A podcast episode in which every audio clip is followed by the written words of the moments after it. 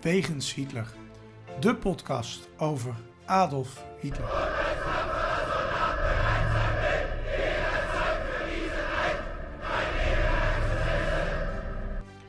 Dictator, alleenheerser van 1933 tot 1945. Een man met miljoenen doden op zijn geweten. Das war ein Befehl! Der Angriff Steiners war ein Befehl! Een man waar ongelooflijk veel verhalen over te vertellen zijn. Ook al die jaren na zijn dood. Herr Adolf Hitler heute Nachmittag in seinem Befehlsstand in der Reichskanzlei bis zum letzten Atemzuge gegen den Bolschewismus kämpfen für Deutschland gefallen ist. In deze podcast gaan Sjoerd de Boer en Niels van Andel de wegen van Hitler af. Ze kijken naar bijzondere plekken, naar vroeger, naar nu. En ontdekken samen met de luisteraar het bijzondere verhaal van de Führer van Nazi-Duitsland. Ja, Sjoerd, een, eh, het werd tijd voor een nieuwe special. En vandaag een eh, hele bijzondere. Want op 9 november werd het lot van Duitsland meerdere keren bepaald, als we kijken in de geschiedenis. En eh, de dag staat dan ook wel bekend als de Schicksaltag. Schicksaltag. Schicksaltag. Schicksal, Ja, ja. je hoort dat ik niet zo goed ben in Duits. Hè? Het is het lot. De dag van het lot. De dag van het lot. Ja. Is dat nou toeval of zit er nou meer achter? En eigenlijk gaan we in deze special toch ja, stiekem een beetje de complottour op. En dat is, ja, na al die corona, een, eh, nou, een bijzondere tijd. Mogen wij ook eens. Juist. Als we gaan kijken in de geschiedenis van Duitsland, dan speelde namelijk één datum een opvallende rol.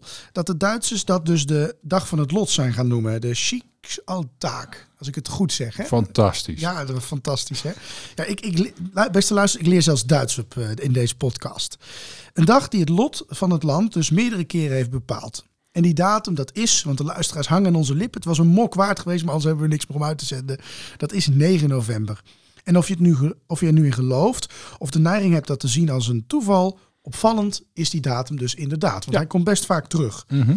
Ehm, en over deze datum gaan we het dus hebben in deze special. 9 november. Ehm, die 9 november die had vooral van alles te maken met Hitler. Dat is maar goed ook, want deze podcast heet Wegens Hitler. Ja, dat is misschien toeval. Ja, Bestemd door het lot. Ik weet het door niet. het lot. Ja, het zou trouwens heel geestig zijn als we het nu ineens gaan hebben over de middeleeuwen. We gewoon een totaal ander onderwerp gaan aansnijden. Zullen we het doen? Ja, zullen we het doen? Dan even pauze, dan gaan we even wat uitzoeken. Ehm, ehm, maar er gebeurde natuurlijk eh, bu- buiten dat Hitler leefde wel meer dingen op die datum. En ehm, nou, daar gaan we het over hebben. En ehm, ik, ik, ik maakte net al een grapje, laten we het over de middeleeuwen gaan hebben. Maar we gaan eerst wel even terug in de tijd, als ik me niet vergis. Ja, we halen de middeleeuwen net, net, net niet, zeg maar. Ah, we daar hebben zit het er een over stukje naast. maar- ja, 9 november 1848. Dus dat is, dat is een paar eeuwen eh, zitten we mis. Maar goed, eh, eh, hoe het precies zit en hoe dat precies werkt, het doet er niet zo heel erg veel toe. Zoek het maar eens een keer op op internet, dan kun je er wel wat over vinden. Misschien heb je een goed geschiedenisboek in de kast staan. Maar we hebben het over de Maartrevolutie. Dat is een revolutie in het, in het Duitse gebied. En die eindigt pas met de Weense oktoberopstand. En dan speelt die 9 november namelijk weer een rol. Ehm, eh, voor ons is, is, is die man die daar, daar een rol in speelt vrij onbekend. Die heet eh, Robert Bloem. En die, maar die is wel belangrijk. Want hij staat dan symbool voor zeg maar, de, de omwenteling van een opstand in die periode. Hij verdedigde Wenen tegen de koninklijke en keizerlijke troepen. En, eh, maar die overleefde dat niet. En hij werd terechtgesteld op 9 november 1848. En eh, nou ja, dat is vooral typisch als je kijkt naar de keizers van Duitsland na de, tweede, we- of na de Eerste Wereldoorlog. Want nou ja, die werd niet terechtgesteld, maar die datum van 9 november speelt daar ook een belangrijke rol. Mhm. Ja, die keizer die werd uiteindelijk afgezet in 1918. Hè? Ja, ja, ja. En, en dat, dat heeft v- veel om, heeft overeenkomsten, zo lijkt het. En, en, en verschillen met Wenen ook. Eh, dit was namelijk de novemberrevolutie. Eh, het is nog net niet het einde van de, eh, de Eerste Wereldoorlog. Dat, die viel een dag later. Eh, maar op die negende is er een meneer Philip Scheideman. En volgens mij hebben we het er wel eens over gehad. Die roept op 9 november de republiek uit. Eh, de monarchie die wordt dan een, een parlementaire democratie. De democratie van Weimar. En Hitler vond dat vreselijk. Ehm, eh, dat was dus in feite, ehm, eh, hij, hij was dus in feite niet voor het afzetten van de keizer of zo. Ehm, eh, maar vooral die, die novemberrevolutie, dat vond hij een drama. Want het was een dolkstoot in de rug van het, van het leger. En ehm, ja, hij moest ook niks hebben van een parlement. Daar vertelt hij in, in, in, in, eh, in mijn kamp eh, uitgebreid over. Hij noemt zeg maar altijd die 9 november criminelen die dat hebben veroorzaakt in allerlei speeches. Die, die, die benoemt hij altijd. Daar is hij heel erg eh, pissig op en die verwijt hij van alles. En daarmee is hij heel succesvol. Ja, want hij, hij zegt ook altijd, hè, dat is ook die hele mythe rond die, die, die Eerste Wereldoorlog. Duitsland was niet verslagen. Nee, de politiek had het leger in de steek gelaten. Het leger had nog Ja. prima door kunnen vechten. Ja. Nou, een beetje analyse daarop laat wel zien dat Duitsland, net als in de Tweede Wereldoorlog, vernietigend verslagen was als ze door waren gegaan. Maar, eh, nou ja, goed. eh, het heeft hem in ieder geval geholpen aan zijn eh, grote verkiezingswinst. Ja, absoluut. zullen we maar zeggen. Ehm, die Hitler, die werd van, van, van het hele verhaal, hè, werd hij wel een beetje overmoedig. Hè? Want op eh, 19, of 19, ik maak zo een nieuwe datum. Het gaat natuurlijk over 9 november. Op 9 november 1923 eh, maakt hij toch een kleine misrekening. Ja, ja, ja, ja. Nou ja, dan, dan komt die bekende Hitlerpoets. Even de eerste eh, uitzending of de aflevering die we hebben gemaakt. Die de ging tweede, volgens de mij. tweede. De tweede, die ging over de Hitlerpoets in, in München. Mhm. Dus als je die nog niet gehoord hebt, kun je even terugluisteren. Eh, we zijn er nu wat korter over. Het is, de- is de nacht van 8 op 9 november. En die nacht die komt vaker voor. Ehm, eh, dan, dan proberen ze de macht te grijpen in, in, in München. Nou, in de ochtend, en dan is het al de negende, gaan ze met een stel opruimende elementen, zeg maar, rennen ze door de stad. Dat komt, een complete mislukking. Er vallen een kleine 20 doden. En het, ge- gevolg daarvan is een gevangenisstraf voor Hitler. Uiteindelijk. En, en dan schrijft hij daar het eerste deel van Mijn Kamp. Ja. Dus dat heeft nog wel wat gevolgen. En het is ook, het, dat gold ook als de strijd van de, van, van, van de partij en, en de beweging in het, eh, in het begin. En daar kwamen ze eigenlijk altijd op terug. Ja, precies. En een tijdje daarna verboden. Hè? Nou, dus een, een vrij een beroerde eh, 9 november voor Hitler. Ehm, maar echt vervelend ehm, ehm, moet het eigenlijk nog worden. Want medelijden met Hitler hebben, nou dat is niet zo populair. Maar er is nog een 9 november die vooral ten koste gaat van die groep die altijd de sjaak is in de geschiedenis. Ja. De Joden. Ja, ja. ja eh, we, we, we, we stappen over naar eh, eh, 9 november 1938. Eh, maar daarvoor moet wel even gezegd worden dat vanaf 1933 steeds elk jaar een herinneringswandeltocht door München plaatsvond. Altijd met een speech op de 8e. En dan gingen ze, daarna gingen ze wandelen langs de route die ze toen ook gewandeld hadden. En dat gold eigenlijk ook op 8 november 1938. Want toen waren ze weer bijeen, maar dan in het, eh, eh, het, het gemeentehuis. Er staan er twee eh, stadhuizen van, van het, het oude stadhuis dan voor de kenner. Daar waren ze samen. Goebbels was daar en er waren allemaal gauwleiders die, en, en die ver weg woonden, die zaten gewoon thuis. Ehm, en er vond de herdenking van de poets plaats. Dus die herdenking van datgene wat op 9 november was gebeurd. Nou, tijdens die, voor de mensen die die datum een beetje in de gaten houden, die eh, hebben, die, die weten dan wat er gebeurd is. Want eh, ze zetten eigenlijk een soort spontane pogrom eh, zetten ze in, in scène die nacht. En die is heel vaak herdacht op de achtste. Eh, ook in Nederland volgens mij. Maar de gevolgen die zijn echt op de negende zijn die zichtbaar. En het gaat ook om dat verhaal van de 9 november. Dus dat heeft alles met, de, met 9 november te maken. Ze zijn s'nachts namelijk gewoon nog bezig. Ook na 12 uur. Eh, eh, synagogen, winkels, allerlei bezittingen van Joden vernield. Er zijn doden gevallen. Gewoon een ordinaire pogrom. Ja, Ehm, ja het, het is een vernietiging, hè, groot. Nou, en daar werd denk ik echt duidelijk wat Hitler van plan was met de Joden. Ehm, veel mensen vluchten ook natuurlijk uiteindelijk het land uit. Zijn overigens nergens welkom. Ehm, Nee, nee, ook nee. in Nederland niet. Eh, mochten mensen daar geïnteresseerd zijn eh, in de serie Het Verhaal van Nederland, wordt dat best goed. eh, een NPO-programma is te zien. uitzending gemist, denk ik wel. Dat heet tegenwoordig NPO Start. Is goed om te kijken. Vond ik het wel goed weergeven. Daar wordt het beeld dat wij zo goed waren voor de Joden toch wel wat, wat rechtgezet. Ja, ja. moet ik eerlijk zeggen. Ehm, nou, eh, we zijn lekker aan het herdenken, nu we toch bezig zijn. Hè, want een jaartje later eh, is die herdenking van Hitler eh, bijna fataal. Ja, ja, het was mooi geweest, maar dat is niet gelukt. Een heel bekend verhaal. Het is, het is weer 8 november. Het is weer tijd voor de herdenking. Hitler die gaat naar, naar München toe. Het had weer alles te maken met de dag daarna. Eh, een jongeman die sluit zich op in de bu- burgerbrouwkelder in die periode daarvoor. Maakt een gat in een pilaar. Maskeert dat stelkens weer. En dan komt hij de volgende avond weer terug. Totdat hij een, een, een bom heeft geplaatst in die, in die paal. Nou, dat maakt hij helemaal dicht. Hij dat heeft een hele mooie klok gemaakt. Die klopt precies. Die is precies op het moment getimed waarop Hitler altijd, en dat lag gewoon vast, daar een speech hield. Behalve op deze keer. Ja. Eh, Deze keer in 1939 was Hitler iets eerder begonnen met een toespraak. En dat had ergens mee te maken. Hij, vertro- hij moest eerder vertrekken. En eh, eigenlijk was er niks aan de hand. Die bom die ging precies, oh, ja, eh, eh, precies op het goede moment af. Dat had Georg Elzer. In het normale schema was normaal goed gegaan. Ja. Ja, ja, precies. En dat had die, die jonge man die, die daar verantwoordelijk was, Georg Elzer, die, die, had, die had dat prachtig gedaan. Maar Hitler was al weg. Vielen wel doden. Dat eh, gebouw dat stortte in. Dat bestaat ook al lang niet meer. Eh, maar goed, eh, had weer alles te maken met 9 november. Ja, het is een wonder. Alleen al over de mislukte aanslagen op Hitler kunnen we denk ik wel vier specials maken. Eh, dus wellicht is dat ooit nog eh, de moeite. Ehm, nou, we- zitten lekker in die 9 november. Hè, want niemand die zou het haast hebben doorgehad. Maar als het wel gelukt was, dan had de wereld een boel ellende bespaard geweest. Zijn er nog meer van die... ehm, ja, die, eh, die, die is kat eh, door het nauw, eh, of ja, hoe heet het, door de oog van de naaldavonden voor Hitler. Ja, nou ja, weet je, ik, ik, ja, ja, ik, ik moet eigenlijk een beetje toegeven dat het op een gegeven moment ook wel een beetje ophoudt. Dus, dus ik dacht van, weet je wat we doen? In 1939 gaan we even een uitstapje maken naar Nederland. Dus ja, Ja. dat is eindelijk namelijk, ja, ja, we gaan stiekem gaan we toch Ik vond het al zo erg aan het format houden. Ik, ja, ben blij ja. dat jij Nee, ik dacht, ach, weet je, dat doen we gewoon.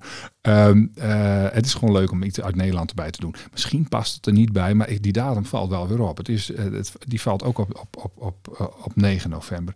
Ehm, de Tweede Wereldoorlog was uitgebroken. Niet in Nederland, maar wel in Polen. Ehm, en daar vindt het zogenaamde Venlo-incident eh, plaats. Het is redelijk bekend. Ik weet nog dat mijn geschiedenisleraar er iets over vertelde. Ik snapte er eigenlijk niet zoveel van wat er nou eigenlijk aan de hand was. Ik dacht, nou, dat heeft weinig met de oorlog te maken. Wat een eh, zinloos eh, incident. Volgens mij, als je net even een jaartje wacht, dan vallen er veel meer door. Ik kun je misschien iets interessants over vertellen. Ehm, maar goed, het gaat hier om een, een heel klein dingetje.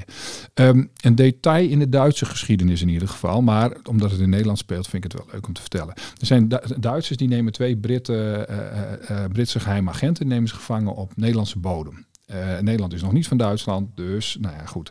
Die Duitsers die, deden, die net deden of ze vluchtelingen waren, die hadden verteld dat ze een, een aanslag op Hit- Hitler wilden ple- plegen. Nou, dat, eh, dat vertelden ze dan aan die geheime agenten. eh, in Venlo. Maar dat was helemaal niet waar, want dat was een list van Himmler, een list van Himmler en die wilde die Britten namelijk oppakken. En dat lukte. Want ze hadden een volge- volgende ontmoeting. De Duitsers openen het vuur op Nederlandse bodem dus. En die twee Britten worden naar Duitsland gebracht. En daar zit ook een Nederlandse man, die, die, die was daarbij betrokken en die kwam erbij om. Dat lijkt, gaat ook de grens over. Maar dat leverde, deze actie leverde wel informatie op voor de, voor de, voor de, voor de Duitsers. Over andere uh, uh, geheime agenten, bijvoorbeeld in Tsjechië, uh, konden ze het een en ander regelen daar, op basis van die informatie. Nou, dat is geen chiekzaal voor Duitsland. Het heeft niets met Hitler en, en, en het chiekzaal van Hitler en het lot van Hitler te maken. Maar het was wel op 9 november. Ja, en zo zien we, zo is er toch meer gebeurd op die dag, hè? historisch. Ja, ja, ja, ja, ja, ja, ja. Um, jij wilde het eigenlijk ook nog even hebben over iets. Uh, ja, jij bent een man van de drank, dat weten we. Juist. Ja, juist, juist. meestal als jij uh, bij mij komt opnemen, dan, uh, hè, dan moet ik je op de stoel zetten. Zo erg is het. Ja. Nee, jij wilde het even hebben over Freddy Heineken. Hè? Wat, wat heeft hij nou weer met Hitler en het lot van Duitsland te maken? Als ik inderdaad een man van de drank was, dan zou ik niet over Freddy Heineken praten. nee, maar, dat is ook geen bier. Ik hou wel van limonade of zo. Maar, nee, ja, Freddy Heineken, nee. Ja, nee, goed. Maar toch. Uh, ja, wat, wat, wat het aardige is over Freddy Heineken, uh, die leverde bier aan, aan het Duitse leger in de oorlog.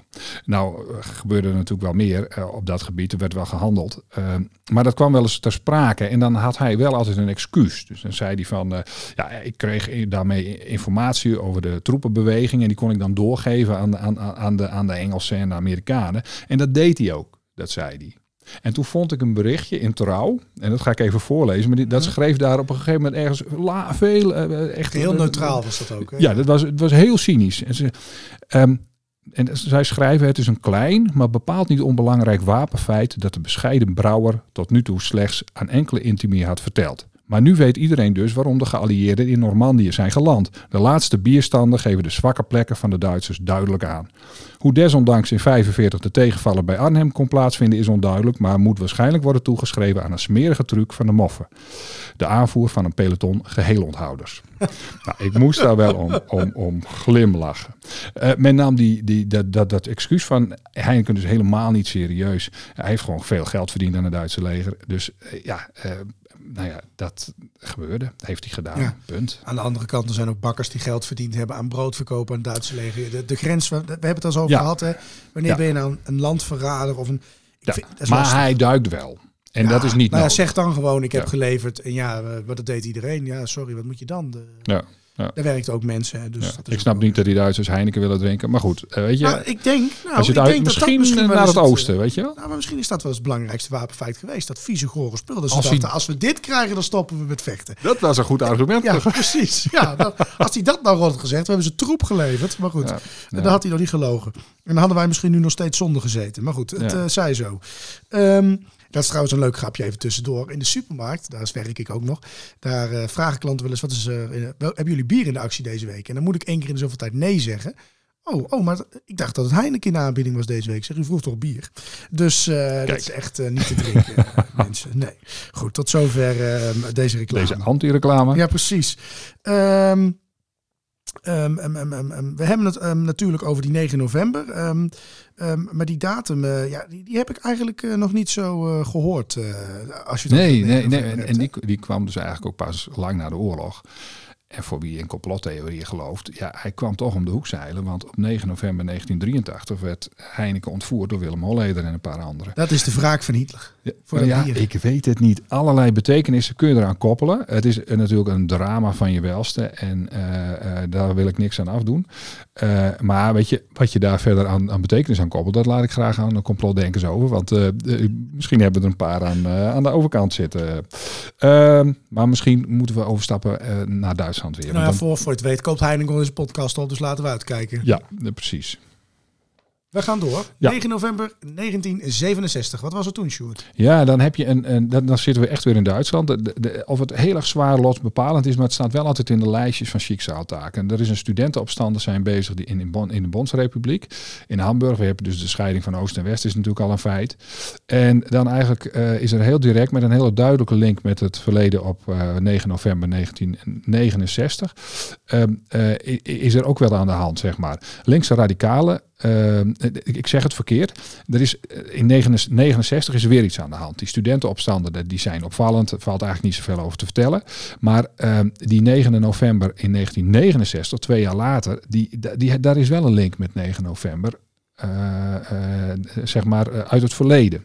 En vooral die van 38. Linkse radicalen die plaatsen dan namelijk een bom in het, in het Jüdische Gemeindehaus in Berlijn. Dat is, een, dat is een huis dat staat symbool voor het leven van, van Joden in Berlijn na de oorlog. En eh, ja, die wilden allemaal die wilden een herdenking doen op, eh, op Kristalnacht. En zij wilden die verstoren, die radicalen, op 8 november. Eh, dan denk je van, ja, wacht even, linkse radicalen of zo, eh, die zijn toch eigenlijk eh, meestal tegen discriminatie en weet ik veel wat allemaal. Maar deze, die waren in die tijd, was het toch wel een beetje anders volk. Ze waren opgeleid in Jordanië, ze hadden een hekel aan Amerikaans imperialisme, ze hadden een hekel aan sionisme. Dus eh, zij plaatsten daar een bom. Het was ook druk daar. Ja. De burgemeester was er, maar die bom ging niet af. Het lijkt wel op de burgerbrouwkelder, maar dan in positieve zin. Hè? Geen doden aan Joodse kant te betreuren. Dus eh, zeg maar, is die satanische macht dan hè, eh, in die, op die nacht, op die 9 november doorbroken door een schoonmaakster die op 9 november die, die, die, die bom ontdekte dan. Want Ja. die heeft inderdaad nadat die zou afgaan, heeft ze dat ding ontdekt en bleek dat er toch meer aan de hand was. Ja, nou, zo zie je maar weer een klein gelukje ook op die 9 november, zeg. Mag ook wel na die eh, absoluut. Ja. Rijkskristalnacht, zullen we maar Ja. zeggen. Ehm, nou, ik, ik vrees dat het antwoord wel nee is, want ik heb gelezen dat op 9 november 1974 een RAF-terrorist, Holger Mainz, sterft in de cel na een hongerstaking. Ja, je, had, je hebt in die tijd, in de jaren zeventig, heb je allerlei eh, rare groepen. In Duitsland heb je ze zitten, je hebt ze natuurlijk in Ierland zitten. Ehm, het is allemaal radicale ellende. En de RAF, dat was een bekende eh, terreurgroep. En eh, dat heeft, heeft natuurlijk alles met het lot te maken, want het viel heel erg op. en nou ja, goed, die, die man die sterft dan ehm, toevallig op 9 november. Eh, in, in een cel. Eh, heeft, heeft hij zelf voor gezorgd door niet te eten. Maar goed, toch weer op die 9 november. Ja, en het houdt daar eigenlijk niet op, want daar is die weer. Want 1989, dan gebeurt er echt iets heel opvallends. De Koude Oorlog, we zijn er net weer in terugbeland, de nieuwe Koude Oorlog, eh, Ja, ja. eh, die is er nog, eh, nog bezig. En de muur die scheidt Oost- en West-Berlijn. Maar dan? Ja. ja, dan is het 9 november in 1989. En dan krijgt er een DDR-leider een vraag tijdens een persconferentie. Die plek, die kun je bezoeken. Dan moet je wel even goed kijken welke tijden die open is, want er is ook nog van alles gaande. eh, normaal gesproken, maar je kunt daar rondleidingen krijgen. En er wordt op die persconferentie een vraag gesteld over het toestaan van vrij reizen tussen Oost en West. Want er is dan wel wat aan de gang. De, de, de, de wrikt iets. Er zijn al mensen de grens overgegaan op andere plekken. En de vraag was, die die stelde, wanneer gaat het eigenlijk in dat vrije reizen waar jullie het over hebben? Eh, maar het lijkt erop dat die man die die, die vragen beantwoord moet, een, een hoge pief in de, in de DDR, die weet het niet. En die zegt, ja, ja, ik denk per direct. En daarmee op 9 november 1989. De douaniers aan de grens weten het niet. Eh, en er staan, er gaan, maar er gaan wel grote massa's die gaan naar de grens toe. Eh, In Berlijn, je kunt de plek kun je gewoon aanwijzen. Die, die is helemaal veranderd hoor. Er is geen grensovergang meer, daar liggen spoorrails. Ehm, en, en, en, maar die mensen staan aan de oostkant, staan ze bij de overgang te wachten. Er zijn heel veel beelden van. Het, ik vind het heel fascinerend dat die, dat die mensen ehm, eh, voor de grens staan en niet gaan duwen. Heel gedisciplineerd daar staan. Ze wachten tot die Ja, nou, ik grensovergang eerlijk zeggen, overgaan. Als kreeg je een kogel in je nek. Dus Nou, ik zou dat misschien ook niet stilgebleven zijn. Dat waren ze natuurlijk gewend, hè? Ja, Dus te ver gaan, dat, zou, dat zouden ze misschien niet durven. Het is, het is heel gedisciplineerd. Eh, in zekere zin vind ik het ook eh, sympathieker uit. Maar ze gaan niet weg. Nee, Ehm, ze en, en, en ze blijven. En totdat die douaniers dus die eh, besluiten die grens te openen. En eh, nou ja, later krijg je dan eh, wat discussie daarover. Van wie, wie stelde nou eigenlijk die vraag? Was het de bedoeling dat het zo ging? Waren er geen concrete afspraken gemaakt? Wat is, er eigenlijk, wat is er eigenlijk het geval? Waarom was het op de 9e november? Iedereen wist dat er iets was met die 9e november. Ja, toen, toen, toen dat geweest was, toen hebben ze het er zelfs over gehad om die 9 november tot een soort van feestdag te bestempelen. Maar ja, dat kon niet. Want dan zit je weer met die 9 november van Hitler. ja.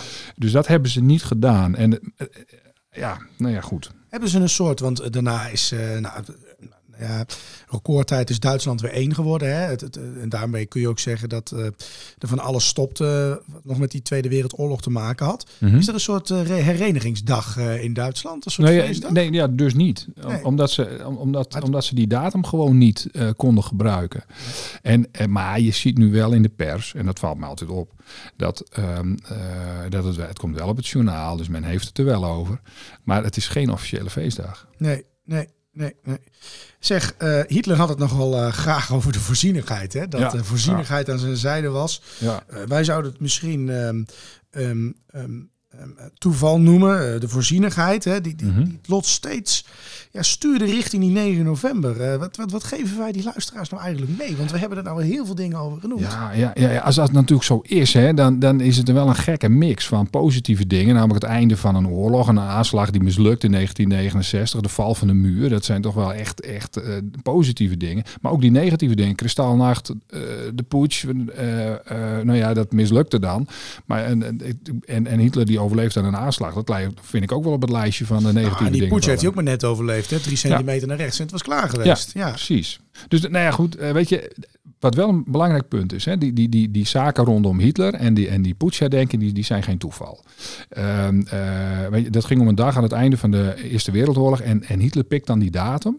En eh, niet de tiende, want officieel stopte die oorlog op de tiende. Eh, maar hij noemt dat de dag van het verraad. En, en, en daarna gaan de herdenkingen los. Als ze tenminste aan de macht zijn. En precies op die datum, dat is geen toeval. En dan is de, de kristalnacht is ook geen toeval.